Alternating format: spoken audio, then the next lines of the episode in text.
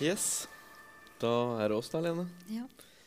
Igjen. Det er jo ikke akkurat første gangen vi preker sammen. Nei, det er det ikke. Det, det skal la seg ordne. Mm. Jeg må bare si sånn uh, før vi starter, så vil jeg anse dette som en feiring, egentlig. Og det er da en feiring av en prosess som da har kommet til sin ende. Og den prosessen handler da om å skrive denne boka, hovedsakelig. Det er knallhardt arbeid, og samtidig så er det også da feiring av resultatet, som da er da boka. Så i den anledning er det jo selvfølgelig ekstremt hyggelig at det går an å ha noen folk som er med på denne feiringa. Sånn ordentlige folk. Så at vi er samla her i dag for rett og slett å feire da Lene og den jobben som hun har lagt ned. Så jeg, jeg syns rett og slett at vi kan starte med en sånn skikkelig Og her er det lov å lage lyd i tillegg, altså. Sånn jeg tenker jeg gjennom eh, halsen og ut og sånn, men skikkelig, ja.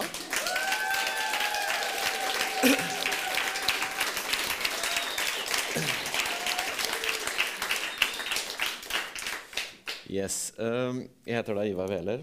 Som jeg sa, jeg er fra Torp. Jeg skal da prøve å dra oss gjennom denne kvelden her i dag.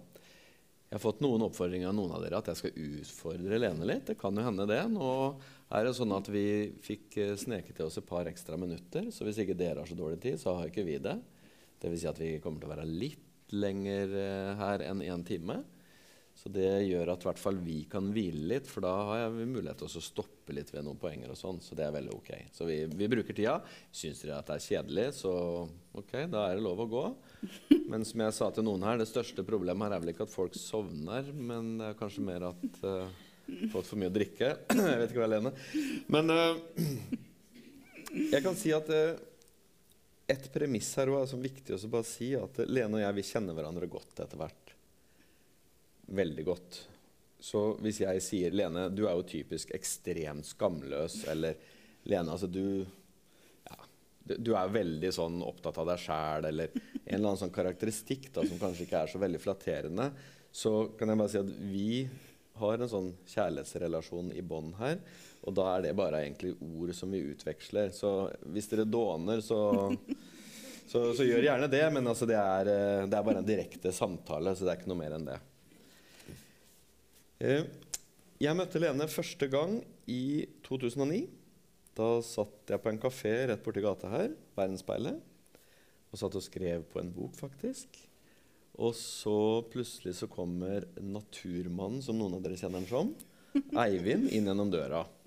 Og jeg kjenner jo Eivind fra før. Ikke sånn kjempegodt, men eh, jeg kjente kjent den såpass at jeg visste at det her har skjedd en endring. For rett bak Eivind så kom det en ung, vakker dame som da var denne dama her. Og jeg så på Eivind, og så så jeg på Lene, og så tenkte jeg nå har jaggu Eivind hatt ganske bra flyt. Liksom. Nå har han klart seg bra, syns jeg. Og så det neste jeg tenkte, var at hun der er sikkert fra Råde. Og det, det, var rett og slett fordi jeg kjente ikke noe særlig folk fra Råde. Jeg hadde ikke sett henne før. Og jeg hadde jo tråla markedet her ganske greit. ikke sant? Men Ok, Så hilste vi, så viste det seg Nei, men hun var fra Greåker. Ok, Det er nesten som Torp. Ja. Mm. Og da tenkte jeg vi skulle starte der, Lene. Ja. Greåker. Mm. Hvordan vil du si at det å vokse opp på Greåker har prega forfatterskapet ditt? For det kan vi kalle det nå. To bøker. Forfatterskap. Ja, for det har jeg fått ettertrykkelig beskjed om. At, for jeg husker etter den første boka så så begynte liksom folk liksom å si sånn forfatter Lene Julsen og sånn. Og så det, har jeg en eh, kjempegod kollega og veldig flink eh, skribent i Harvest Magasin, eh, Kjetil Østli, og han sa bare sånn eh, Du er ikke forfatter før du har skrevet to bøker. Mm. Da kan du begynne å brife med det, liksom. Mm. nei eh, Hvordan det har prega forfatterskapet, det er vel et sånt hovedaspekt som jeg tenker er at um, Når du er fra et sted som Greåker, mm. ja, så har du egentlig Og det høres litt sånn rart ut. Nå når vi bare tenker sånn norsk sammenheng, da. Men du har egentlig veldig mye mot deg. Du jobber på en måte mot en stor bølge. Fordi det jeg opplevde da eh, når, eh, Nå er jeg sånn, nå kanskje jeg generaliserer litt, da, men ofte i, på sånne, Vi har hatt sånne forlagsfester og sånne type ting. Så snakker du med mennesker som eh, er eh, fra Altså som, som på en måte har lest Hamsun til frokost, liksom, og så diskutert eh, Sigrid Undsets verker liksom, til middagsbordet. Men altså, sånn er det ikke. Sånn var det ikke for meg på Greåker. Um, sånn at det, viktigste med det er vel kanskje det at man uh, man har med seg noe som er liksom sånn uh, udefinerbart, men som er noe jeg aldri ville vært foruten. For det er sånn, jeg, jeg har sagt det sikkert før, men jeg, sånn, jeg går på Aker Brygge og har tatt på meg en sånn fin sånn kjole og tatt på bling og kanskje sånn puskepels, liksom. Og så går jeg der med mine venninner fra Bærum og fra Oslo vest som er sånn De er så smelta inn i da, den, der, den stripa der, liksom. Og det eneste jeg tenker på, er sånn Når ble jeg avslørt? For at jeg føler meg så ikke hjemme, liksom. Jeg bare sånn her, Det oser liksom sånn herre Jeg vet ikke, sånn, sånn arbeiderklasse i meg. da, så Derfor følte jeg meg jo ekstremt hjemme når jeg kom til Groruddalen og var lærer der på Haugenstua. Mm. På en måte Det der utenforskapet de kan føle på ved å ha et dobbelt sett med kulturer. Mm. Så, så, der er jeg liksom jo, Der følte jeg meg kjempehjemme. Men åssen har det prega blikket ditt, da? Uh, blikk og så skriveformen? altså? Nei, jeg vil Nei, jeg tror at Sånn som jeg eh, ofte har følt altså Jeg tar ingenting for gitt. Sånn at Altså, i tolv år hadde vi ikke bil. Det er ikke sånn at uh, Det er ikke nødvendigvis at alle fra Greåker ikke har bil, altså. Men de fleste på Greåker fleste på Greåker har bil. Men altså at man har, har den der At man har noen, noen elementer som bærer preg av en sånn arbe, altså arbeidergjeng, på en måte. da. Mm. Så når vi gikk til butikken, så gikk vi liksom. Vi bar poser. Mm. Um, uh, og og liksom, hadde vi ikke penger, så, så, så, var det jo liksom Igjen i et norsk sammenheng, da, for jeg, liksom, jeg vet jo at det, det, finnes en verden hvor dette her er bare sånn. Men, men liksom, da måtte vi liksom klippe opp tannkremtuber. Jeg husker, jeg har også skrevet i boka, så jeg at vi, hvis vi ikke hadde råd til dopapir, så måtte vi, tørka vi oss i rumpa med juleservietter. Liksom.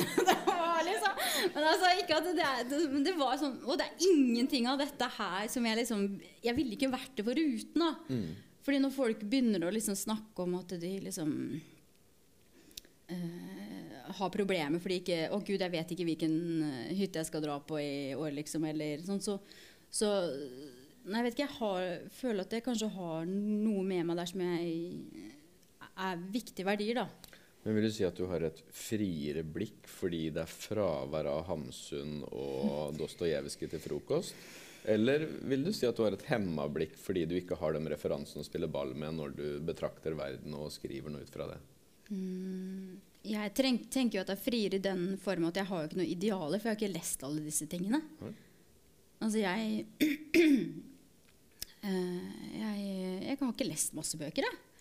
Jeg har sett på sånne intervjuer på litteraturfestivaler hvor det er sånn, sånn herre de refererer til både det ene og det andre. Og jeg er bare sånn her, oh, fuck, Det har ikke jeg hørt om engang. Liksom. Jeg bare sitter der, og Noen ganger det har jeg også skrevet i boka, jeg har liksom løpt inn på do, googla et par anmeldelser liksom, og kommet med et par fraser. Bare liksom for å liksom, passe inn. Mm. Men altså, jeg syns det var greit å lese Bopsy-barna. Jeg syns det var helt topp. Ja. Mm. Jeg trengte ikke noe mer enn det. Ja, men det er klart Nå er jeg litt inhabil i og med at jeg er fra Torp, så det er ca. samme Samme ulla, selvfølgelig. Men uh, men, men, samtidig så vil jeg si da at jeg syns jo det er ekstremt befriende å mm. lese deg. Mm. Eh, fordi det er eh, litt rann, eh, hva skal jeg si, ribba for disse pretensiøse forsøka. For, altså, jeg er akademiker, så jeg, jeg, kjenner jo til det området. Men jeg kjenner også til å ha en kropp, kroppsliggjort erfaring med meg inn og egentlig være ikke helt passe inn, kanskje. Mm. Men samtidig da, det gjør at du får et blikk til. Mm. Så du kan se gjennom akademikerblikket, og så kan du betrakte det gjennom et arbeiderklasseblikk. Mm. Og så kan det bli spennende litt sånn fritt. Mm. Men eh, jeg tenkte vi skal gå et hakk videre, fordi det er et sånn generelt spørsmål til som jeg har, som jeg syns er spennende. Fordi når du skriver, du skriver med masse detaljer. Du maler egentlig språket ditt, sånn jeg ser det i hvert fall. Og så har du masse indre dialog ut fra små observasjoner. Og da er mitt spørsmål Er det sånn det er å leve inni huet til Lene Julesen? At du går rundt og lager stories as you go along? Det er dritslitsomt å leve inni huet til Lene Julesen. Ja, ja. Det, vil jeg ikke anbefale. Nei. Nei, men, men det er det jeg lurer på. Altså, går du hele tida og skriver i huet ditt? Eller setter du deg ned med malerkosten i etterkant og trekker fram minner, og så begynner du å skape? Så åssen er, er det du jobber i den prosessen? Det lurer jeg på.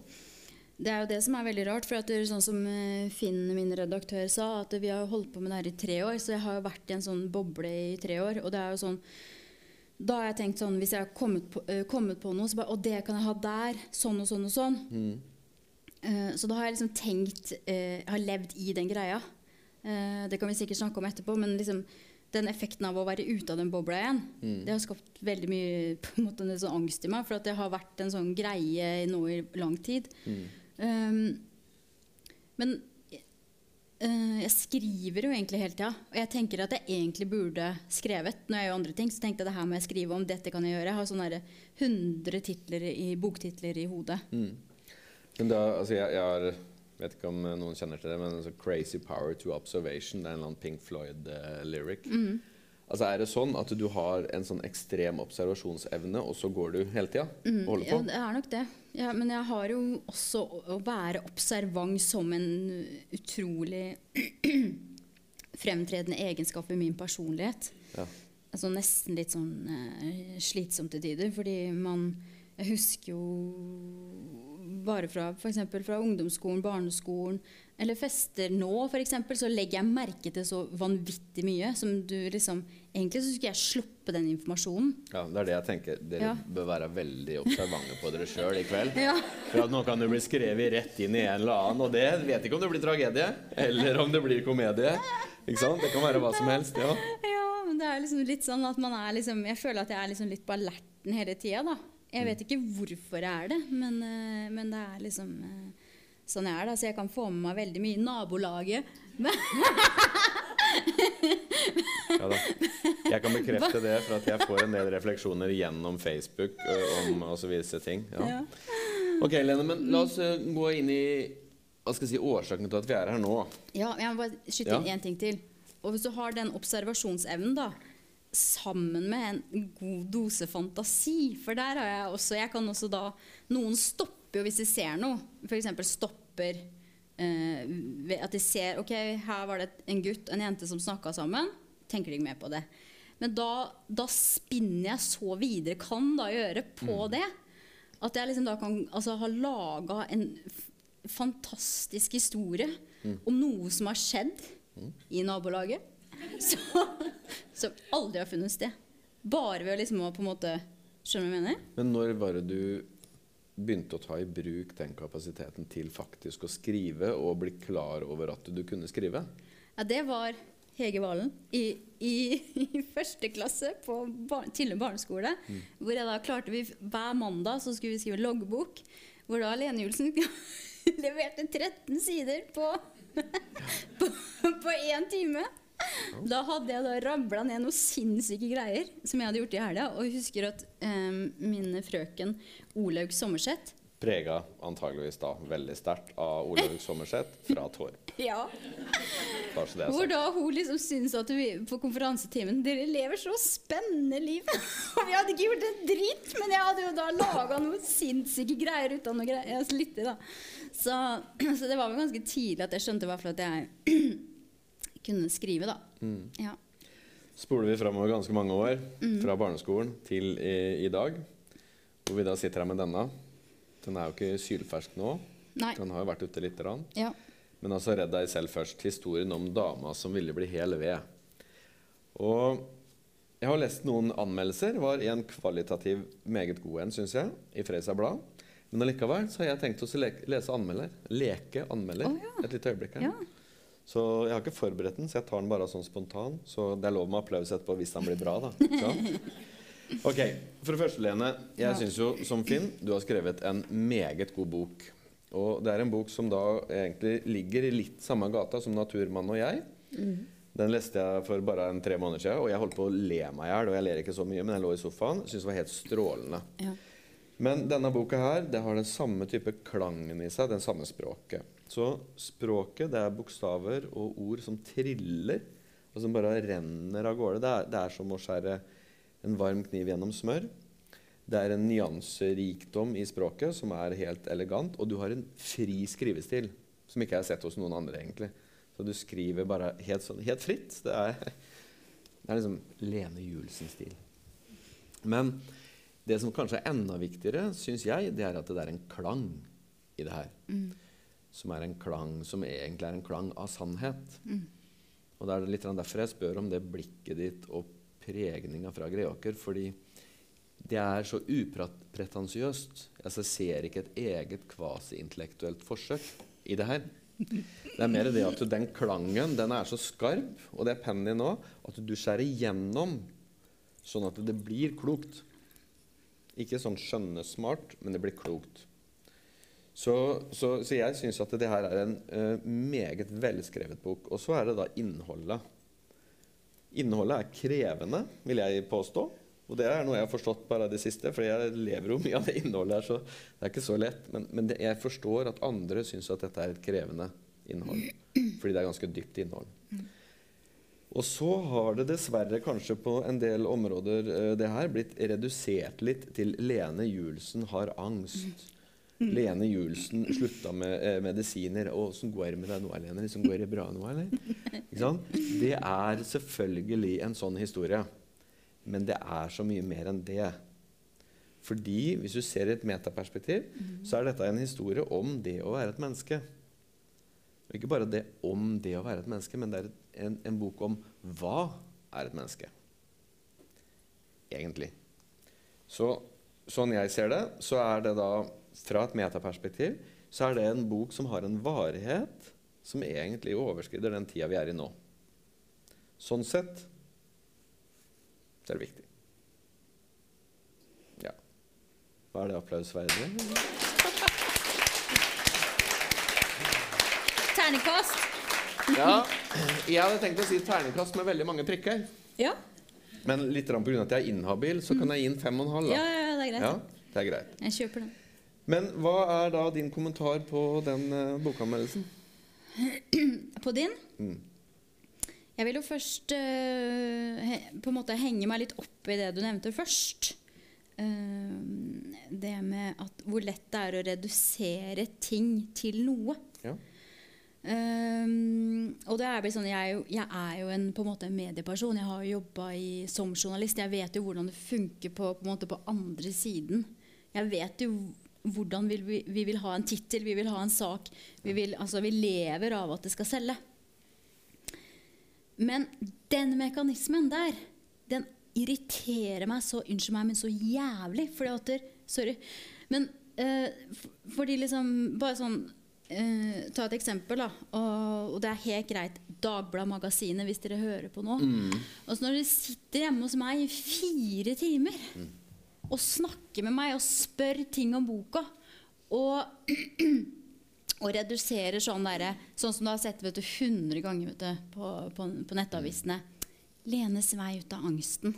Og så er det sånn bilde av meg som, hvor jeg da liksom fikk beskjed om du må ikke smile for mye. Så jeg bare ja, men jeg føler for å smile. Ikke smil. Bare sånn, sånn dystert bilde, liksom. Og jeg hadde lånt en genser, det var en kjempefin genser liksom, som jeg følte meg så fin i. Jeg lånte den av, av svigerinna mi. En kjempefin farge, liksom. Og sånn, Stå foran den mørke veggen der og se sånn ut. Altså jeg bare sånn Gratulerer med dagen, liksom.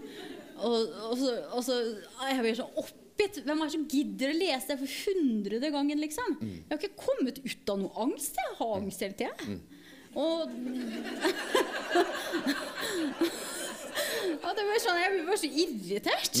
Men den mekanismen der, den er jo også sånn, sånn her, Altså, Vi har jo så lett for å forenkle ting. Og det er liksom sånn her, i liksom Altså Har du gjennomgått en skilsmisse da, eller et samlivsbrudd eller hva som helst, så bare ja, 'Nå går det bra med deg, vel. Nå har det gått, ja, nå har det gått ett år. Eller to år. Ja, nå har du kommet deg vel. Så bare, ja, men, ja, jeg har kommet videre, men det er liksom, det er, ikke, det er noe som henger igjen. Altså, det, er, det er ikke sånn eller sånn.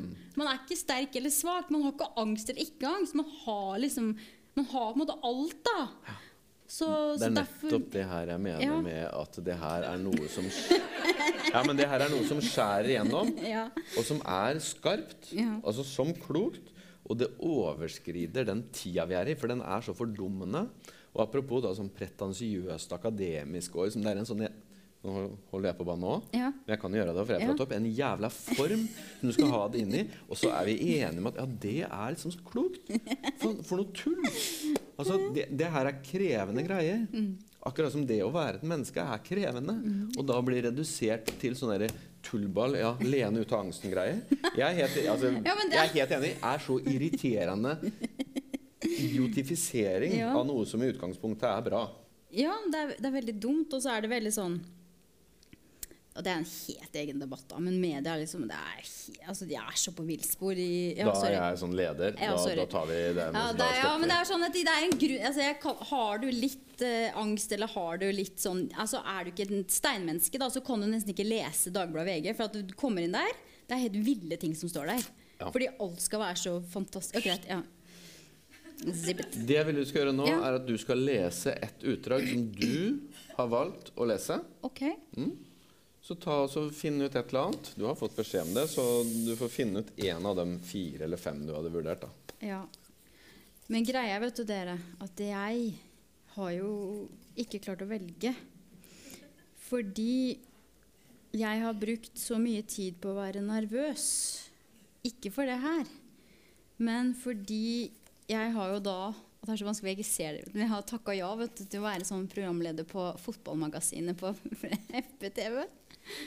Og det er så nær helt forferdelig. For at FFK gjør det dritbra om dagen. Det er 90 000 som bor i byen, er det det? Ish. Ja, det er 90 000 som er engasjert. Det er 90 000 meninger, og alle sier dem høyt. Så skal du da være på det Da blir jeg nervøs, da. Så, så det har jeg brukt mye tid på nå. Så å sitte her er jo en befrielse. For da kan jeg liksom slipper jeg å snakke om fotballanalyse, kan jeg liksom snakke om meg sjøl. Eh, skal vi se. Jo, ja, det jeg tenkte å gjøre, var å lese en, et avsnitt om eh, Fordi jeg har jo starta, starta jo på sånn mindfulness-kurs ledet av Ivar Wæler. Um, og da Jeg tror det var på andre samling, eller tredje, så, så ba han oss om å gjøre en gå-meditasjon. Og da tenkte jeg i svarte Kan jeg bare få kommentere? Ja, ja. Her er det da sånn Kjærlig forlag som har skrevet bakpå boka Lene Julesen deltar på kostelige mindfulness-kurs. Nei, Lene Julesen deltar på kurs i mindfulness Ja. og beskriver med et kostelig språk eller kostelige opplevelser. Det er en del av den derre OK? Bare sånn at For det Ja, ta Ja. den med tilbake, og så bunk! Ja. Greit, Lene. Ja. Eh, Så det er på en måte bakteppet. eh, At jeg da sitter Vi er 15-16 eh, mennesker da inni, i det rommet, som er et stort, hvitt rom. Der sitter en sånn halvsirkel, og så har det kommet en, en dansk nevropsykolog flyende inn fra København. Og han, han knoter litt med noe powerpoint-greier, så vi må liksom vente med det. Og så tar vi en sånn Da foreslår Ivar eh, at vi skal ta en gå-meditasjon. Så det er liksom der jeg da eh, Da skal man liksom da gå frem og tilbake sånn. Ja. Eh, så jeg tenkte jeg skulle lese litt om det. Er dere klare? Ja. Gå så sakte dere kan frem og tilbake i ti minutter. Jeg sier ifra når tiden er gått, sa han etter introduksjonen. Jeg endte meg å stille meg omtrent i midten. Jeg ville helst tatt en plass ute på en av sidene, men der sto de aller ivrigste allerede linet opp. Jeg gikk med så små skritt jeg klarte, kjente på trangen til å øke tempoet, det klødde inni meg, litt som da jeg leste Per Petterson, eller noe annet som jeg synes gikk altfor langsomt. Jeg ville bare bla til neste side, komme meg videre og bli ferdig. Jeg hadde tynne ankelsokker, kjente gulvet var kaldt, i sidesynet skimtet jeg Morten. Han gikk sakte med sine store føtter. Jeg tenkte på sønnene hans. På ham fikk vondt inni meg, og så tenkte jeg på Sofia. Om hun hadde det fint i barnehagen, de skulle ta T-banen og besøke Teknisk museum på Kjelsås i dag, og hun gledet seg sånn. Hjertet mitt brast av ømmet for henne. Tittet ned på føttene mine. Nå så jeg at det var et megahull i den høyre sokken, og stortåa stakket, og neieren var gul.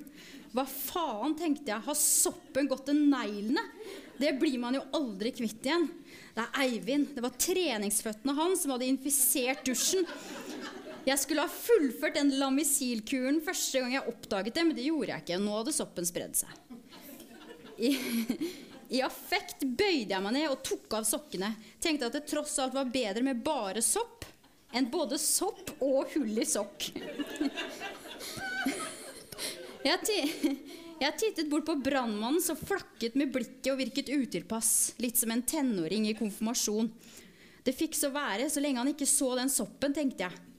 Jeg gikk så sakte jeg kunne med rask puls, fikk følelsen av at jeg hadde påfallende vraltende gange og anstrengte meg for å gå mer stilfullt.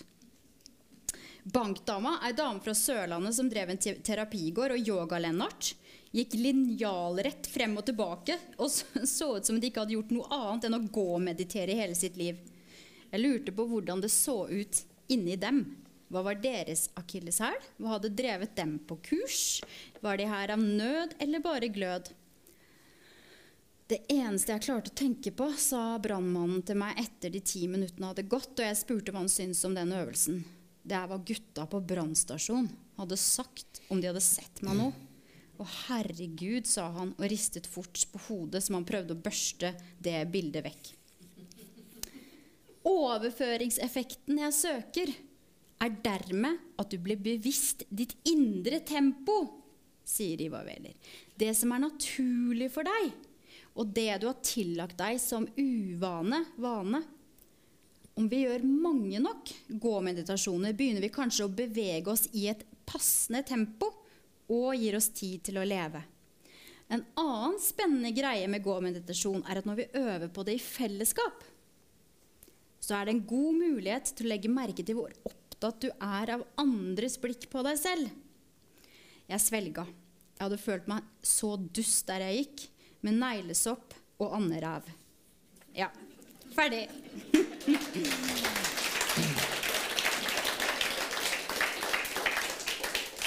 og der var det to vesentlige pekere mot det å være et menneske. Vi kan gå vekk fra oss sjøl, eller vi kan gå med oss sjøl. Det ene er å leve litt sånn halvveis der, og det andre er å være levende. Og Det høres kanskje litt sånn radikalt ut, men eh, tilstedeværelse, altså liv, er sakte. Og det andre er poenget, altså, hvor opptatt vi er av hva alle andre måtte mene om oss. Og det vil også påvirke hvordan vi går i verden. Og jeg kommenterer det sånn her nå nettopp fordi det er det neste tema som jeg ser for meg at vi skal gå litt inn i. Og det er egentlig da fortvilelsen.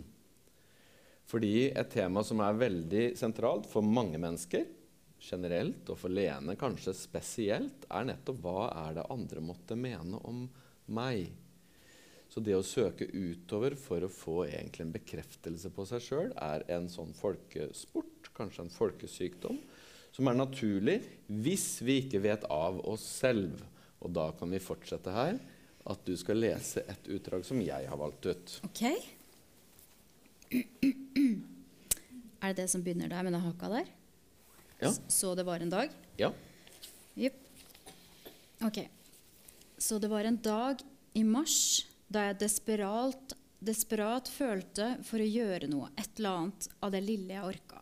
Jeg tok en dusj ba til Gud om at vannet skulle vaske vekk alt og la meg begynne på nytt. Vær så snill, Tagge, la dette ikke finnes mer. Jeg fikk det jeg ba om, men ikke på den måten jeg ville.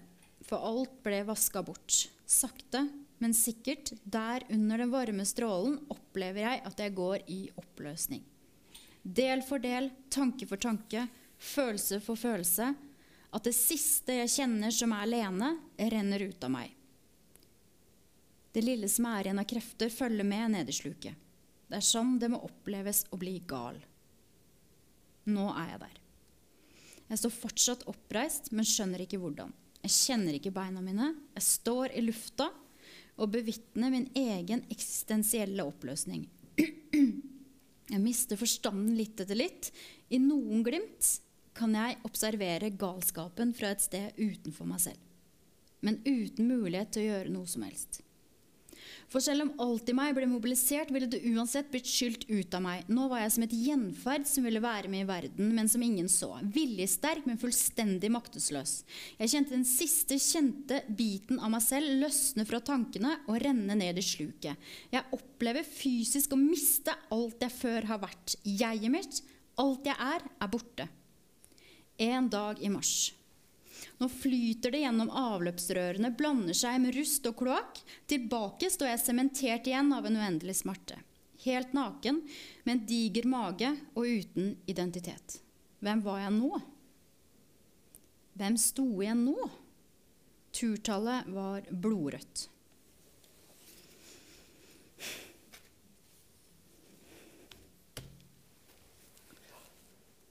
Da er du i trøbbel. Det kan man si. Og gratulerer Takk. samtidig. Mm. Fordi det er ikke nødvendigvis sånn at eh, du mista Lene, men du mista det du trodde var Lene. Og du mista det du trodde var Lene, og som du hadde holdt deg nihardt fast i. Særlig i og med at din tendens var veldig sånn utoverretta. Mm. Men det er klart, når, når sånne ting skjer i en vanskelig fase, fordi det må nesten til for at det skal skje, og du er totalt uforberedt, da er du i trøbbel. Det her er jo da egentlig sånn utgangspunktet på en måte for den boka. Ja.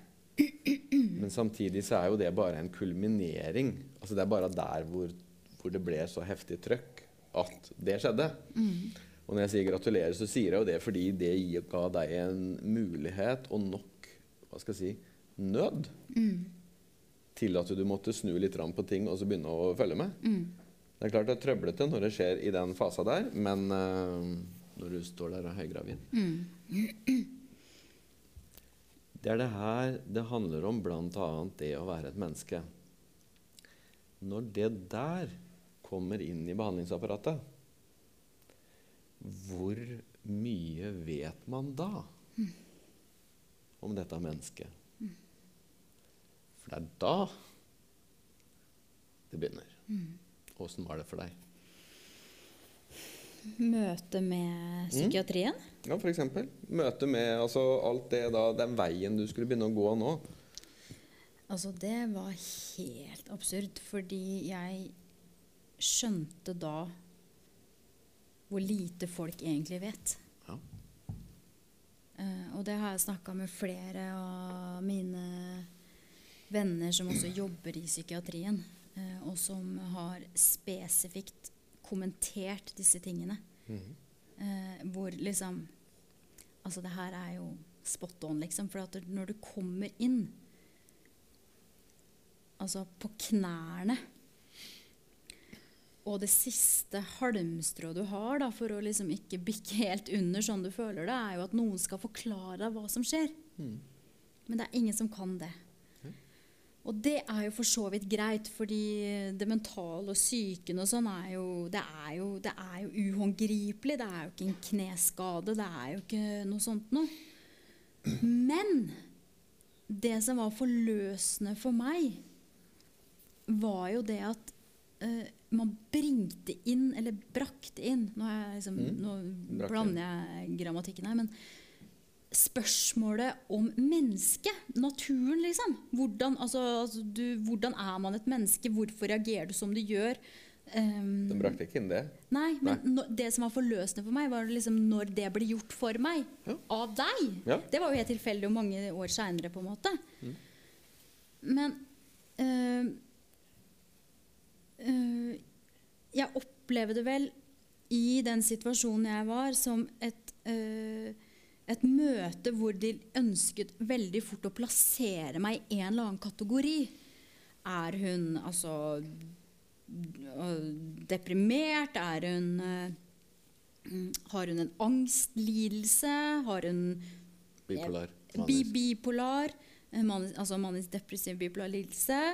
Altså, hvor skal vi plassere denne jenta, liksom?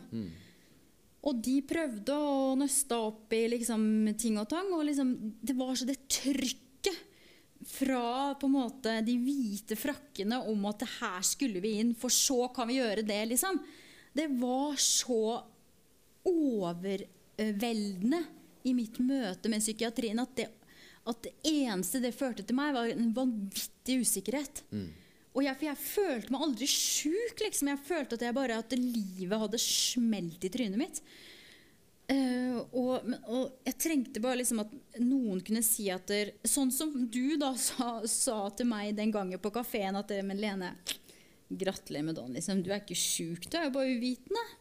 Og det var liksom det, var det jeg trengte. Fordi at jeg mens isteden var det sånn herre Er du det, er du det, er du det? er du det? Så jeg gikk ut fra det sykehuset, så trodde jeg liksom Jeg husker jeg sendte en melding til noen av venninnene mine. Vi var sånn gruppe. Jeg husker ikke om uh, hvem Ja, det var sånn venninnegjeng. Og så skrev jeg det er noe alvorlig galt med meg, skrev jeg. Enten fysisk eller psykisk. Det er det legene har sagt.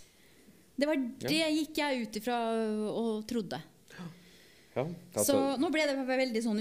Altså, men jeg ble så, det var så fortvilende. Så jeg føler så med dem som øh, Eller oss, for de er jo en del av det. Det er jo ikke sånn at jeg er ute av det.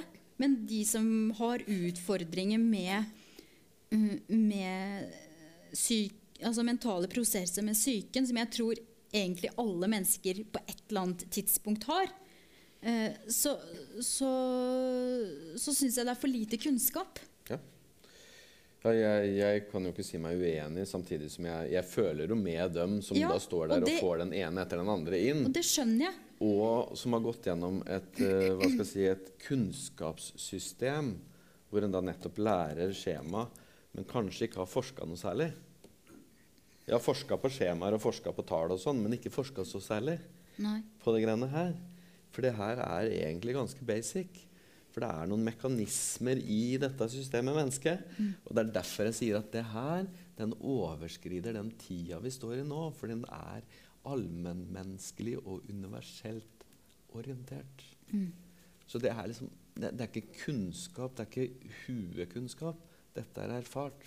Erfaring. Og det er da sharpt, mener jeg. Eh, samtidig som jeg sier, Lene, at eh, og det er viktig å si også for dere i salen og for dem som ser på digitalt at eh, den smellen du gikk på, tenker jeg, det er en spesifikk smell Lene. Altså Den er spesifikk for deg, for den tror jeg handla i stor grad nettopp om identitet. Så kan du gå på andre typer smeller. Altså Du kan bruke opp batteriet ditt. Sant? Det er én måte. Du kan føle fravær av livsfølelse eller mening og sånn. Altså Det kan være en annen måte. Ulike måter, men mekanismene går i, s- i det store og det hele på det samme. Så det var det vi snakka om når vi møttes på kafé. Det var egentlig bare mekanismene. Sånn her sånn her er det, frøken. Ja, ja, jeg er helt enig. Ja. Det, det er egentlig ikke noe vanskelig, men det er viktig hva skal jeg si, erfaringskompetanse å ta med Ja. inn. Derfor, igjen, jeg påpeker, den er viktig. Jeg tar det bare et hakk videre nå, fordi det identitetsjaget ditt, kan vi vel si, det er jo noe som du også bruker som da grep i boka di. Jeg vil si at du nærmest overforbruker deg sjæl og fokus på ditt eget ytre. Er det bevisst?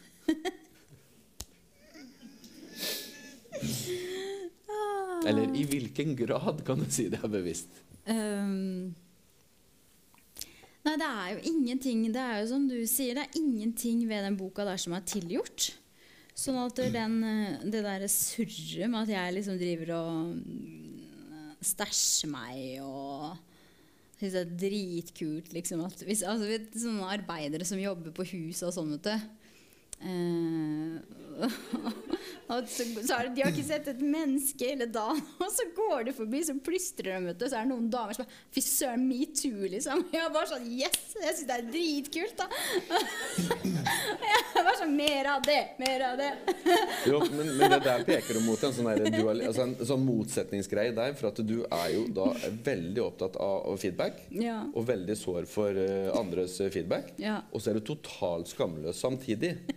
Og det går jo nesten egentlig ikke helt opp. Men, men det jeg lurer på, er sånn Ok, du bruker deg sjøl, ikke sant? Du snakker om, eller skriver om at du er opptatt av åssen du ser ut. Det går meditasjon, ikke sant? Det du egentlig var opptatt av, var åssen andre så på deg. Spesielt brannmann. Ja, spesielt brannmann, ikke sant? Og det er ikke, noe, det er ikke noe rart, det, for det er veldig menneskelig. Men du bruker det som et spesifikt grep, ikke sant? Bevisst grep også i boka.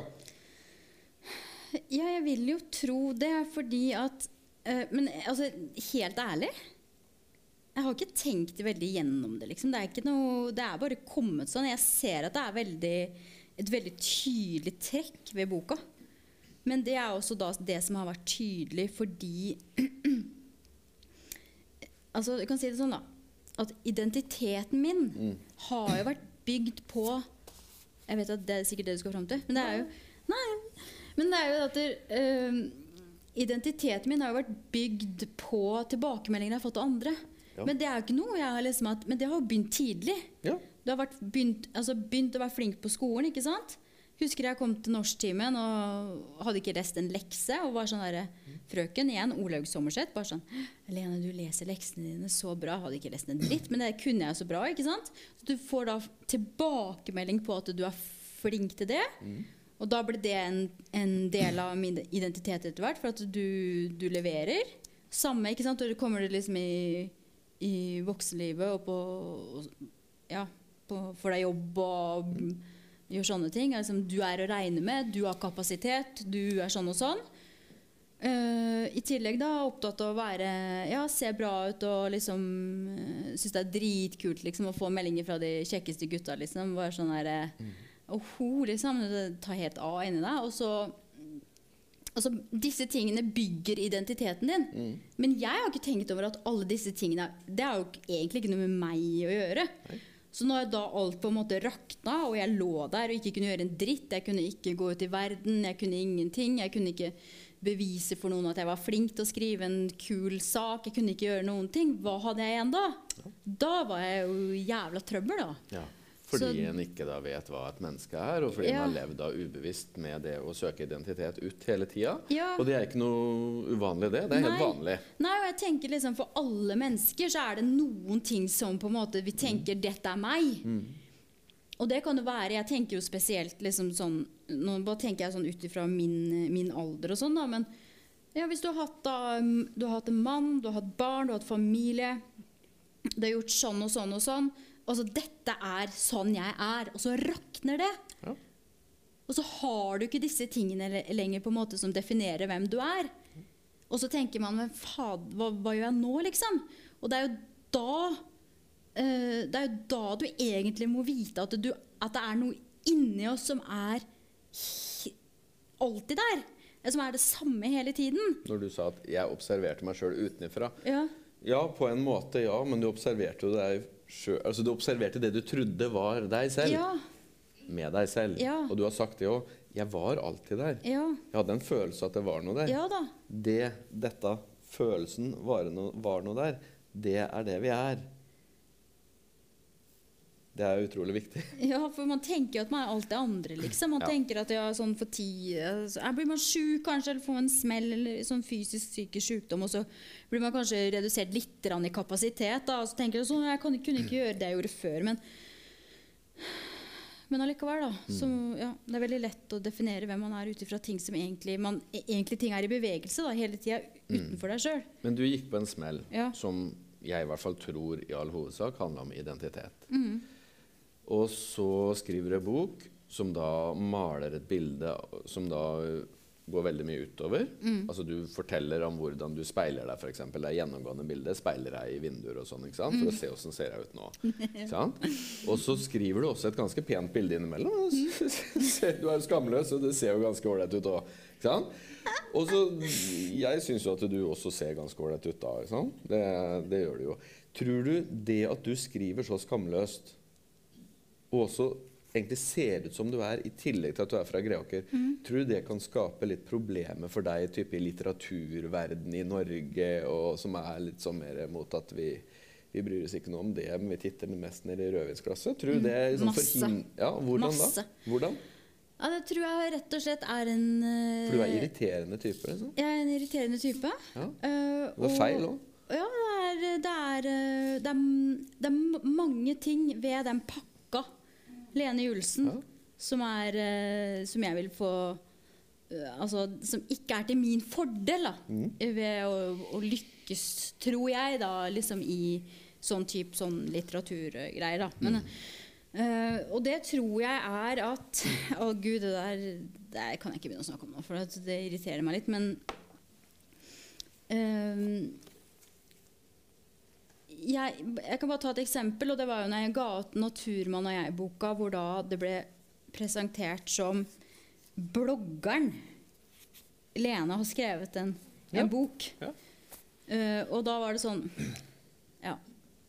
Da jeg har brukt tre år på den boka, liksom. ja. Og da sånn, det, er ikke noe, det er ikke noe feil med å blogge, men det er liksom for meg, da, som har Altså, jeg ikke tjente krone på tre år for å skrive en bok, så vil jeg liksom gjerne i hvert fall eh, bli anerkjent for, for arbeidet som er blitt lagt ned, da. Ja. Jeg må si at jeg var også litt skeptisk til den naturmannen og jeg', altså. Med det coveret og sånn. Ja, men altså seriøst, jeg lata nesten som om jeg hadde lest den. Jeg hadde ikke gjort det. Men når jeg leste den, som jeg sier, jeg ble mektig imponert, fordi det er den samme klangen som i det greiene her. Og det Ja.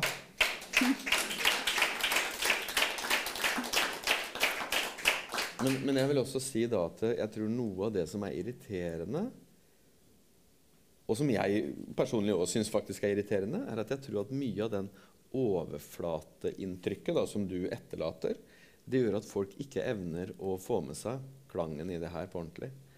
For det her er ikke, det er ikke sånn akademisk smart som jeg har gjentatt et par ganger. Det er litt mer enn det. Så nå skal vi gå videre i fortellinga, Lene. Da går vi fra fortvilelse, og så går vi over til håp. Fordi det er noe som jeg har hørt fra flere, i hvert fall, er at det er en klang av håp i denne boka. Og ikke minst av humor og varme. Det er absolutt noe som vi kan komme tilbake til. Men nå Ja. vil jeg at du skal lese en liten snutt. Det som har skjedd forut for det her nå, er at Lene sitter på T-banen, skal egentlig meditere, er helt surrete. Driver og bare lager sånn indre dialog om en cal som sitter der, og han kan ta vare på meg og sånn. ikke sant? Da blir du veldig lite populær i de der feministiske kretsene, liksom i det der eh, høyradikale greiene. Det er én ting. Men så går videre og surrer og ordner og går sikkert av feil sted, men havner på Storo. Og det første hun gjør når hun kommer ut av trikken, eller T-banen, det er at hun ser i speilet, og så ser hun seg sjøl, og så er hun ikke helt fornøyd med det hun ser. Og så går det da videre derfra. Og det her er en, en snutt som inneholder noe som kan virke veldig ubehagelig. Men husk da, dette er et tema håp. Ja. Og forfatteren las sjøl. Ja. Ja. ja, men dere har opplevd det at dere titter i speilet, så tenker dere at du har mye lengre ben og har mye rakere holdning, vet du, så ser du det tilbake, så er det bare sånn Oi, at det var ikke det, det var ikke sånn jeg hadde tenkt oppi hodet mitt. Ja, det var vel egentlig foranledningen, og så, ja. Ehm, for hvert steg var jeg nærmere fysioterapivinduene. Jeg gikk oppover lammet av noe som minnet om sorg, om sinne og en ekspanderende kvalme. Det sprengte innvendig. Jeg økte takten for å prøve å brenne det av meg, ville løpe fra det, men det gikk ikke. Det este og sprengte på før jeg plutselig bare brast. Eksploderte som en ballong rett ved siden av et trafikklys og et ektepar med like jakker. Jeg måtte stoppe opp, holde meg fast i trafikklyset, men det var ikke spy som kom, men varme tårer. De bare sildret nedover. Stille. Før jeg begynte vaklende å bevege meg igjen. Med sekken på ryggen følte jeg meg som ei lita jente på vei til skolen, gående alene ut i verden. Så kom jeg til fysioterapivinduet og klarte ikke la være å vente blikket mot ruta, men jeg så ingenting, ble hindret av tåkesløret. Ironien var komplett. Jeg ble så kvalm av min egen speiling at jeg ble fratatt muligheten til å speile meg. Jeg sto der, slapp og tung, og kjente varmen bre seg. Brystet utvide seg, og en ukjent glede sive inn der hvor skammen og sorgen bodde for et øyeblikk siden. Og så Det føltes som en mulighet. En åpning til å være med meg selv uten utseende. Uten det som fulgte etter 'jeg er' som identitetsmarkør. Du er ikke nødt til å gjøre deg til. Slipp, sa jeg. Det går bra. Du kan hvile deg nå. Et øyeblikk, kanskje to, sto jeg helt stille. Ville ikke at det skulle forsvinne. Og så måtte jeg gå. Herregud, var det dette Ivar mente med at varmen er i meg? At jeg ikke trengte å gjøre noe. Den var jo der. Den kom jo først når jeg ikke gjorde noe. Tuller du med meg? Er det det her som er å være levende?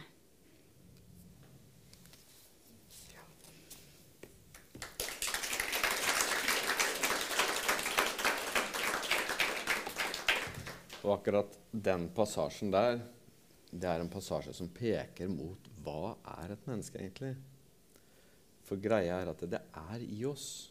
Men, men samtidig så løper vi vekk, og vi bruker kapasiteten vår på å speile oss ut. Men hvis vi har gjort det lenge nok, og mye nok, og kraftig nok, og du har gjentatt deg sjøl på en fest for n-te gang, og du kommer hjem og kjenner 'fy fader, nå gjorde jeg det igjen'. Når du har gjort det så mye og så lenge og så ofte, og så heftig at du kjenner kvalmen, så skal du egentlig være fornøyd. For den kvalmen den trenger du for at noe skal kunne skje. Hvis ikke så gjør vi ikke noe med greia i det hele tatt. Så når du kjenner kvalmen, og det begynner å øh, komme der, da er det muligheter. Og da kan dette komme fram fra deg, fordi det er i deg. Det som er deg, og det er varmen. Og da er det bare Og hva er det som skjer? Jo, jeg gjør meg ikke til. Jeg bruker ikke all kapasitet på å speile. Jeg gjør meg ikke til. Jeg står her, da. Oi. Man bruker jo vanvittig mye krefter på ja, liksom Hvis man går på jobb eller være i vennegjengen. Man har liksom ofte en rolle, eller Ja. bruker liksom krefter på å opprettholde det. da. Du vil si at dette handler om håp, ikke sant? Ja, så det er derfor jeg ble så ufattelig glad for den der um, anmeldelsen i Jeg tror det var Fredrikstad Blad, var det ikke det? Som eh, Hvor på en måte hovedgreia var sånn der utrolig at man klarer å liksom legge fra seg den boka, og så er den på en måte altså, liksom, etterlater en god opplevelse. Ja. For det er jo det. Ja. For at det, det er jo det viktigste for meg, er jo at øh, At det, altså selv hvor jævlig det er, og hvor mørkt og dritt det er, liksom, så vil jeg jo vite at det finnes håp. Fordi det trodde jo på en måte ikke jeg. Eh, så hvis noen kan tenke det, så blir jeg kjempe Det er jo det viktigste for meg. Og du sier der også OK, er det det her du mener med å være levende? Mm. Og da er vi over på det neste temaet, som da er hyllest. Mm. For jeg opplever Lena, at dette i stor grad er faktisk en hyllest Altså boka er en hyllest til liv, Ja. ikke til livet. Nei, men liv, Ja. Mm. Hva tenker du om det? Jeg tenker det som så at øh, vi nå, Jeg kan jo selvfølgelig bare snakke for meg sjøl, da. Men jeg har ofte en tendens til å øh, Jeg vil jo ha det mest mulig behagelig. Sånn at Har jeg gode følelser og alt flyter, så er det liksom så, OK, nå sånn, sånn skal det være, liksom. Eh, men jeg vet jo at sånn er det ikke hele tiden. Og så øh, har jeg da i den prosessen der da prøvd å slippe liksom opp det der, der for å ha det bra, bra, bra, og så prøve å slippe opp øh, for å liksom møte det ubehagelige, da, for det ubehagelige er jo der. Ja, selvfølgelig. Ja. Men det ubehagelige er jo Hvis du klarer å liksom Jeg vet ikke hvordan jeg skal si det uten at det blir veldig sånn eh, halleluja-greier. Men altså, hvis du klarer å ikke kjempe imot det, da Så For at det er jo der uansett. Og så tror jeg kanskje man har en sånn mening om at det, altså liksom, livet skal være bra. Men hvem er det som har sagt at det skal være bra hele tida? Det er jo ingen som har sagt at livet er bra hele tida. Det er jo ikke det. Ja, noen ganger er det jævla dritt, men det er jo bare sånn det er. Det er en veldig klok dame vi kjenner òg, som også sier det. Jeg skulle gjerne ha preka litt med vedkommende som sa at eh, livet skulle være lett. Hvem er det som sa det? Det er jo ikke lett. Nei. Det er ingen her som syns at bare livet er lett. Men da er vi fort over på den andre siden. ikke sant? Livet ja, er ikke nødvendigvis lett, men dette er da en hyllest til liv. Ja. Og da liv, da, det er det, den varmen som strømmer, det som er i oss alle, det som ser ut gjennom øya. Det er det i hvert fall jeg opplever at dette er en hyllest til, eller hyllest av. Og hvis jeg kan si at når det gjelder håp, da hvis, hvis, jeg kan ha et håp om det her, så håper jeg at folk leser det en gang til og en gang til. Og kanskje leser forbi den første historien som det handler om Lene, den utvendige. ikke sant? Fallet, reiser seg igjen, litt angst og greier, og medisin, og så ikke-medisin. og alt det greiene der, Og så leser og får med seg hva er den egentlige klangen. Hva er det som snakkes om her? Det er i hvert fall, kan jeg si, det er, eh, det er mitt håp. Mm. For det tror jeg nemlig ikke er så lett å se. Og da skal vi ta bare hyllest nummer to her okay. på nå. Ja. Da er det sånn at uh, Jeg tenkte vi skulle snakke litt om tilbakemeldinger du har fått. Mm. Og jeg vet at du har fått en del veldig gode fra mm. en del folk som både lever et liv, det er jo ganske mange da, og som også er fagfolk. Mm. Og det er særlig én uh, tilbakemelding fra en fagperson som jeg vet du satte veldig pris på, ja. og som jeg også satte veldig pris på. For dette er rimelig sjelden vare. Dette er da Frode Tuen, som sikkert flere av dere kjenner som spaltist i Aftenposten. Og han er professor i psykologi. Og fra den sida er det ganske sjeldent å høre sånt noe som det her. Han skriver om da boka 'Lærerikt'. Altså professoren. Dette er lærerikt. Spennende og rørende å følge henne gjennom denne prosessen. Og ikke så lite underholdende også. Boken har rett og slett mye bra å by på, og kan absolutt anbefales.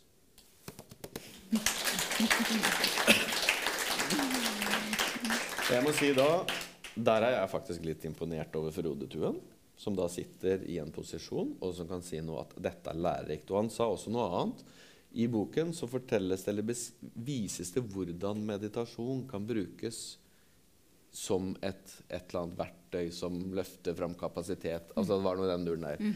Og det er meget bra. Men er det noen andre typer tilbakemeldinger du har fått som du har satt spesielt pris på?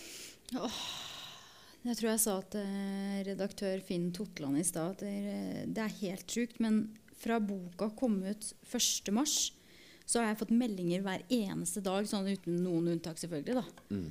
Um, og det er sånn åh, Jeg begynner nesten å grine, men det, det Altså, man sitter jo altså Skal du liksom sitte igjen med masse, masse penger og skrive ut en sånn bok, så må du liksom selge liksom på Nesbø og Vigdis Hjorth-nivå, liksom. Og det, det kommer jeg sikkert ikke til å gjøre, men liksom, det betyr ikke noe når man får de tilbakemeldingene. Men det er spesielt kanskje én som har satt seg veldig, og det er at der, det var ei dame som hadde gjennomgått en kreftdiagnose, eh, eller eh, hatt, eh, hatt, det skikkelig ja, tøft, så klart. Og så får hun Og mista da litt Mista identiteten sin, da. Um, hun, ja, hun var også kunstner. Og så skrev hun det at hun har liksom slitt nå i, med ettervirkninger, og mest psykisk egentlig, av det her i tre år. Og så leste hun den boka og kom over den helt tilfeldig. Og så hadde hun da endelig på en måte fått et håp om at hun øh, kunne liksom øh, Ja, finne seg selv igjen, da. Mm. Uh, og at det var liksom nesten sånn hun har skrevet om meg flere ganger, men det var liksom nesten sånn uh, livreddende. Mm. Og da, da, for, da, fikk jeg liksom helt Det er helt Og hun er kunstner, og hun hadde ikke malt noen bilder på mange år, og nå har hun utstilling mm. i Halden. Og det er sånn da, ja, Det syns jeg er vel Det er jo sånn, sånn En sånn tilbakemelding er jo Ja. For det er jo Jeg husker når jeg sjøl på en måte var sjuk, så var det jo eneste jeg ville, var jo at noen skulle si at det gikk bra. Mm. At det kom til å ordne seg. Uh, og, det, og jeg husker at jeg leste KK om og om igjen, for da var det Cecilie Skog som hadde mista mannen sin. Og hun eh, hadde ikke vaska håret sitt. Hun hadde ligget i senga og blitt servert mat av mammaen som kom. Hun hadde ligget inne på et mørkt rom og fått, uh, fått mat på senga av mammaen sin i to måneder og hadde ikke vaska håret. Og du vet håret hennes, ikke sant? Det, var det greiene. Og hun hadde ikke vaska håret på to måneder. Jeg hadde ikke vaska håret på ja, det var for mer enn det. To og en halv måned, kanskje. Og da husker jeg at det var liksom sånn derre Det er jeg og Cecilie Skog. Og jeg følte altså Jeg, altså jeg knuga meg til Cecilie Skog, den artikkelen. Jeg leste om og om igjen. Så, så på en måte konsekvensene av å være så dønn ærlig som Finn sa, og, og på en måte nesten også utleverende, kan sikkert noen Jeg liker ikke det ordet, da. Men uh, i den boka det, det er jo en del konsekvenser med det. For man er jo veldig Man deler jo veldig mye av det man er. Så vi snakka om det, så jeg føler jo hele tiden at jeg går med et sånt der, liksom sånn åpent sår som alle kan se. Og jeg syns jo det er ubehagelig noen, kan være ubehagelig når noen sier til meg liksom sånn derre Det er fint at det går bra med deg nå, da, Lene. At de liksom Sykeliggjør. Ja, at, ja, og at liksom ja, ja, for at jeg føler at jeg liksom i hvert fall prøvd å gjøre det i en større sammenheng enn meg sjøl. For jeg vil ikke at det skal handle om meg, egentlig. Nei? For selv om jeg syns det er veldig kult med oppmerksomhet og sånn, da. Men, Jo, jo. men, men eh, det er jo også til en viss grad, liksom Jeg, Mm. Det er ikke noe Det er en, eh, det er en slagside ved det òg. Jeg vil tro kanskje, Lene, at den største slagsiden potensielt for deg er at du gifter deg med idealet, som da plutselig dette kan bli til. Ja da. Ja. At nå, ja, du har jobba gjennom en prosess, det gikk fra dårlig sant, til bedre til og veldig bra, og Mm. nå plutselig Ok, ja, men nå er det kjempebra. Og når du møter på noe da som er litt trøblete, så Nei, nei, egentlig så er det kjempebra, så bare sånn at dere vet det. Ikke sant? Og så er det egentlig litt ræva innimellom. Ja, ja, Ok, ja. ja, men innimellom så er det ræva. Fordi livet tar ikke hensyn til om du har gått en prosess eller ikke. så det er da hvordan du møter det som er greia. Ja. Men et spørsmål til som jeg lurer litt på. Kan det være sånn at den her til tider er litt for dyp? At den nesten kan oppleves litt som en fagbok? Altså fordi det her eh, er da en bok i, i veldig stor grad, vil jeg si, om Kall det gjerne mindfulness. Altså kall det menneskekunnskap, metodikk, kall det, kall det det greiene der. da. Jeg tror, og jeg har blitt overraska over hvem som har øh, Og det kan man jo aldri vite når man sitter på en måte alene ved et skrivebord og surrer med de greiene der i tre år. Hvem som på en måte Hvor det treffer helt, liksom. Og andre som bare sånn derre jeg husker Det var jo et veldig konkret eksempel. Og at det, God morgen Norge de, de var jo helt på hugget med Naturmannboka. Og, og uh, vår Staude skulle også lese og Hun leste den der. Gleda seg, liksom. Men uh, jeg ble for dypt. Så, så jeg tror liksom vi, vi dropper det. Men, derfor, men, men så på den andre siden da, så er det liksom sånn Ja, andre som jeg tror, jeg tror det liksom handler om hva du har opplevd, hvor du er i livet. Uh, altså hva, som, hvordan du er, altså hva slags type du er. da. For noen så kan det her være bare sånn derre Yes, all, dette kjenner jeg meg dette kjenner jeg meg. Fordi man har vært borti det sjøl. Vi fortsetter hyllesten. Ja. Så da tenkte jeg vi skulle involvere noen Nei. Mine på en bar på Grünerløkka. Tyvlytta på samtalen og mente masse. Enda vi ikke kjente hverandre, så tenkte jeg enten er du gæren, eller så er du gæren og har et eller annet talent. Herregud. Det beviste du. Med en gang jeg så tekstene, så skjønte jeg at her var det noe Det var noe her. Det var noe Ikke bare var det eh, litt klokt, men det var også gøy. Og det er veldig sjeldent at folk klarer å skrive både smart og gøy. Men denne holder ikke med én, som du veit. Og så kommer du jaggu med denne. To, der er innafor. Tre enda bedre. Gratulerer så mye, Lene. Det har vært veldig gøy å bli kjent med deg og følge skrivinga di. Og den skriveperioden du er i nå, det er enda et steg eh, egentlig opp, vil jeg si. Men aldri glem humoren. Da blir du et fattig menneske og skribent. Kos deg.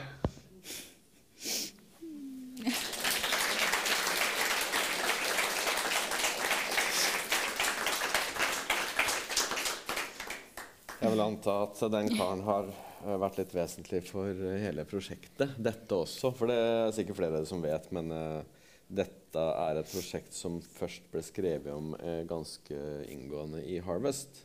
Så det var x antall artikler, og jeg tror tre av fire av dem var på topp. Topplista over det året. Så det var tre artikler av Lene Julesen og én til som var av topp fire i Harvest i løpet av det året. Så det er åpenbart at det har truffet litt der. Så jeg har en til her, da. Hilsen fra hjemmekontoret. Gratulerer med boklansering.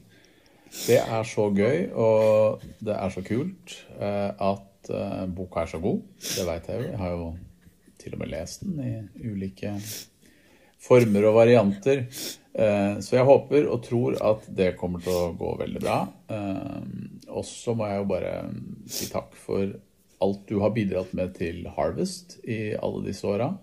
Jeg skal ikke si at vi oppdaga deg, men mer kanskje at du oppdaga oss og skjønte at det vi drev med, eller hadde tenkt å drive med, var noe som passa for deg. Som du kunne bidra til. Og det har det så absolutt vært. Så jeg håper at du vil fortsette å skrive masse for oss i åra som kommer. Uh, men først og fremst så håper jeg at det går veldig bra med, med boka di nå. Og så håper jeg at du fortsetter å skrive bøker. Vend blikket, eller rett blikket framover. Det må man alltid gjøre når man er forfatter. Håper du får en fin lanseringsdag selv om verden er digital. Beste hilsener herfra.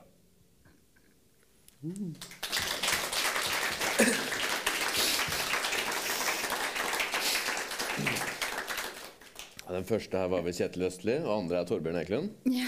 Stemmer. Det er gutta i Harvest, som jeg har forstått er ganske vesentlige for uh, unge frøken Julesen. Uh, det er også en annen kar som uh, syns at dette er storveis. Nei. Så han har noen ord, han òg. Ja, Lene, da har du klart det igjen, altså. Skrevet en helt um, fantastisk bok. Det er bare å gratulere. Rett og slett. Uh, herfra går det bare oppover. Lykke til. Så du kors bak? Ja da.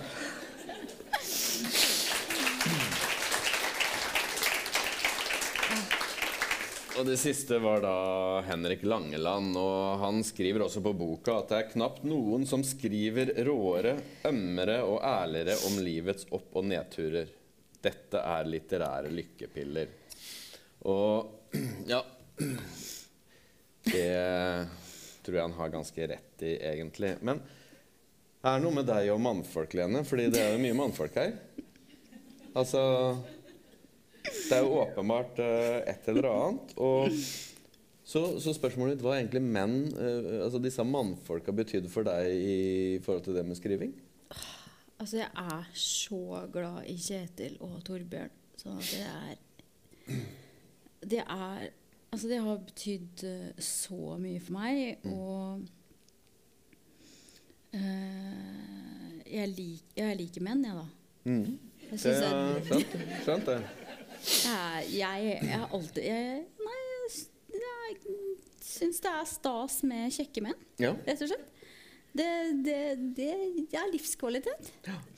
Eh, og de gutta Det som er med spesielt uh, Kjetil Østli, var at jeg uh, har jo Jeg vet ikke om alle kjenner det, men han begynte jo som journalist i Aftenposten og A-magasin og sånn, og hadde sånne spalter. Han ble jo sånn, er jo sånn hotshot ikke sant, inni Elska jo de spaltene. Og inni mitt hode så skulle jeg gifte meg med han. Og så Bare sjekke tida. Det er en god tid. Ja, Bare ja. Og så kommer det Er det en eh, Jeg må bare ta den historien. Og så, som han nevnte, så kommer det en eh, Er det en dag uh, hvor Eivind, da, naturmannen, har kvelden før, da han hadde ikke turt å være ærlig, så har han sagt at der, Jeg skal til Alpen i morgen. Hva sorry, sier du? Jeg skal til Østerrike i morgen. Jeg drar i morgen tidlig. Og jeg bare Hva sier du? Skal du til Østerrike nå? Du har akkurat vært i Sogndal eller hvor F, ikke sant? Og så eh, Og da ringer jeg da min venninne, gode venninne Vibeke. Vi må ut på byen. Og da marsjerer ut av leiligheten på eh, Torshov, tror jeg det var, og møter Vibeke på Løkka. Og vi drikker masse sånne kokosdrinker på Aku Aku. Og inni et bord på hjørnet så sitter Kjetil Østli. Og jeg bare merker liksom Altså, promillen og alt bare stiger rett i huet. Han er sinne om at Eivind skulle dra. Og da hadde Kjetil Østli akkurat fått Brageprisen. Og så sitter han og prater liksom sånn inni hjørnet liksom, med noen, noen kompiser og greier. Og så, og så sitter jeg og lytter på hele samtalen, og på et tidspunkt så bare reiser jeg meg opp og blander meg inn i samtalen. Og, og du sitter der med den jævla Brageprisen din, og du kan bare gå hjem og legge deg. Det er også bare sånn surr. Da, husker vennene vennene hans er sånn der Å nei, jeg håper ikke vi kommer ved siden av ho på julebord, liksom. På, på sånne forlagsfester og sånn, for de tror jeg jo fortsatt er helt ko-ko. Men det som var, jeg skjelte han ut etter noter og endte med å gå derfra. Hadde så, det var helt forferdelig. Og så får jeg en melding, mail, fra Kjetil Østli morgenen etter. For jeg hadde selvfølgelig klart å si hvem jeg var. Det var jo det hele poenget med greiene, at han skulle vite hvem jeg var. Hvor jeg får mail da var sånn herre Jeg trodde han skulle si et eller annet fælt, liksom. Så sier han bare Skriver du med samme intensitet som du snakker, så vil jeg ha en tekst av deg i løpet av uka. Og sånn begynte det.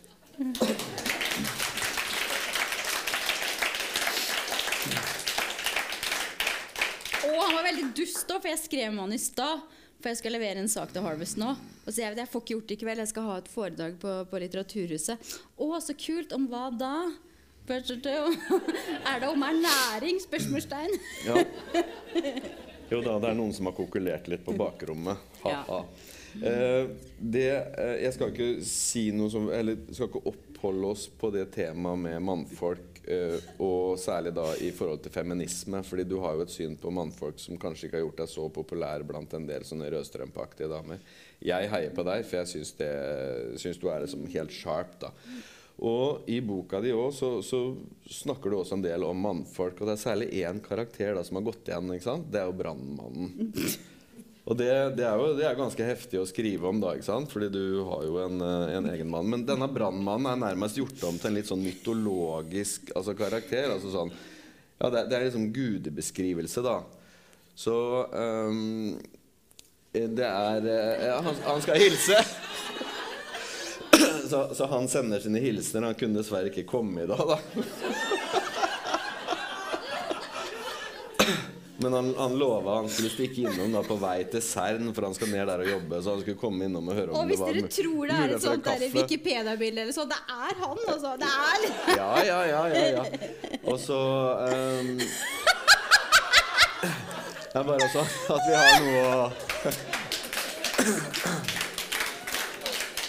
til og med jeg, da, som er mann, kan jo forstå at det kan være en viss fascinasjon sånn, uh, ja, å bruke sånne, sånne, sånne karakterer. Da, sant? Så jeg antar at det var et rent eh, litterært grep, Lene. Men, Ja, ja. men hvis vi går videre på hyllesten, for vi har ikke så mye tid igjen Det er én mann til, og det er kanskje den viktigste mannen uh, som er i ditt liv.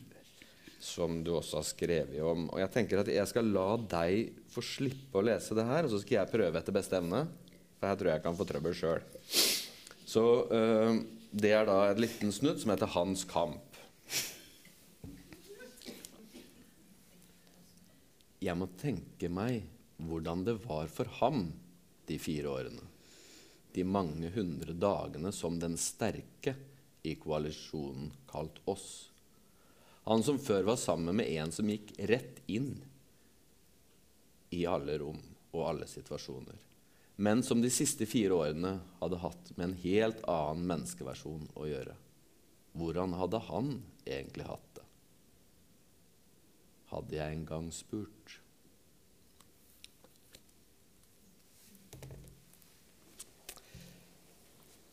Da er vi inne på avslutninga, Lene. Jeg tror veldig mange, sånn som meg, eh, blir veldig rørt av akkurat den delen.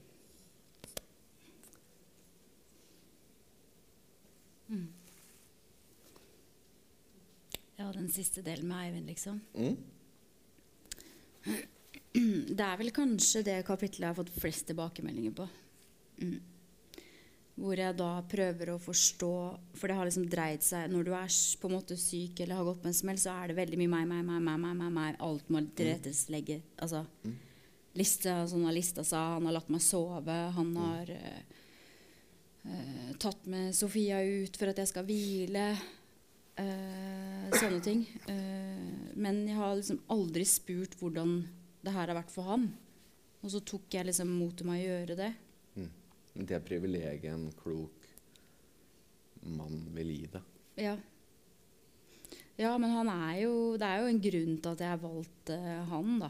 Og at han er faren til barna mine. For at han er jo en veldig bra mann, da. Og en å på en måte er han eh, Altså, mamma er jo Mamma er på det stadiet. Eivind kommer! Er, Hun er der, liksom. Så det er liksom sånn der eh, Jeg så han Eivind i dag. Han er alltid, alltid så kjekk og, og sprek. Han er alltid så kjekk og sprek, Lene. Han er det, ja. Han, har- han har så heltestatus, liksom. Men det er jo eh, Men det er klart at det var jo helt Det var jo tøft for han òg. Eh, og så var det tøft for meg å ikke være den som jeg ville være overfor ham. At jeg ble liksom sånn eh, syk og svak, liksom. Eh, så det, Jeg tror det var viktig, veldig viktig for boka og for meg å få med den delen der. Ja. Det er eh, Når en kommer i en sånn situasjon, sånn som Lene, så tror jeg i mange tilfeller i hvert fall at det er én vesentlig medisin, og det er tid og ingenting. Og prøv å holde på med ingenting. Se hvor lenge det går. Hvor lang tid det tar før en føler seg litt ekstra syk og svak når en ikke gjør noen ting, og når jobben skal være å ligge på sofaen. Og det å da ha noen rundt seg, type en støttespiller, som til, ikke bare tillater, men oppfordrer deg til å gjøre ingenting over tid. Det er en krevende øvelse også for den som er rundt. Men det er en krevende øvelse for den som ligger der også. Så det å ha en sånn type hva skal jeg si, hjelper et sånn type menneske da, i en sånn prosess, er um, selvfølgelig ekstremt viktig. Og det tror jeg også er litt undervurdert. Og jeg tror at det vi har snakka om nå, det er en ren allmennmenneskelig greie. Alt det vi har snakka om. Det er noe som vi alle kan kjenne igjen. Derfor så treffer det. Nei, men da tror jeg vi bare sier, eh, Ja, ja, ja. sier det sånn at vi avslutter herfra nå. Håper at uh, dere har hatt en fin aften. Jeg har i hvert fall kosa meg. Jeg koser meg alltid med hun uh, unge frøken Nilsen. Men det viktigste er har du hatt en fin aften? Ja, veldig. Og syns det er veldig koselig at det, at det ble noe. Mm? Og så er det jo alltid gøy å snakke om noe man har lagt så mye arbeid og kjærlighet i. Ja. Fordi det har betydd så mye over så lang tid. Ja. Og nå, nå det på, har det på en måte blitt sendt ut i verden, og nå kan på en måte det bli en del av noe større. kan jeg si at jeg håper absolutt at kunnskapen, hvis vi kan kalle det det, eller i hvert fall en spire av noe som da peker mot mennesket, forbi det vi tror f.eks. at det handler om når det gjelder mindfulness, for eksempel, da, det er min side. Når en leser et ukeblad, det handler ikke om det. Det er hardcore, akkurat som livet er hardcore. Det er krevende, og det er ikke for pyser, og det krever liksom ordentlig at vi står med ryggrad. Så det er det.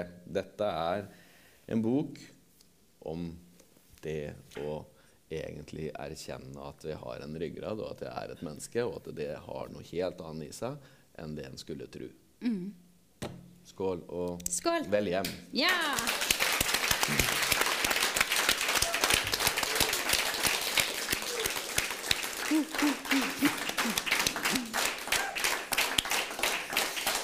Mm.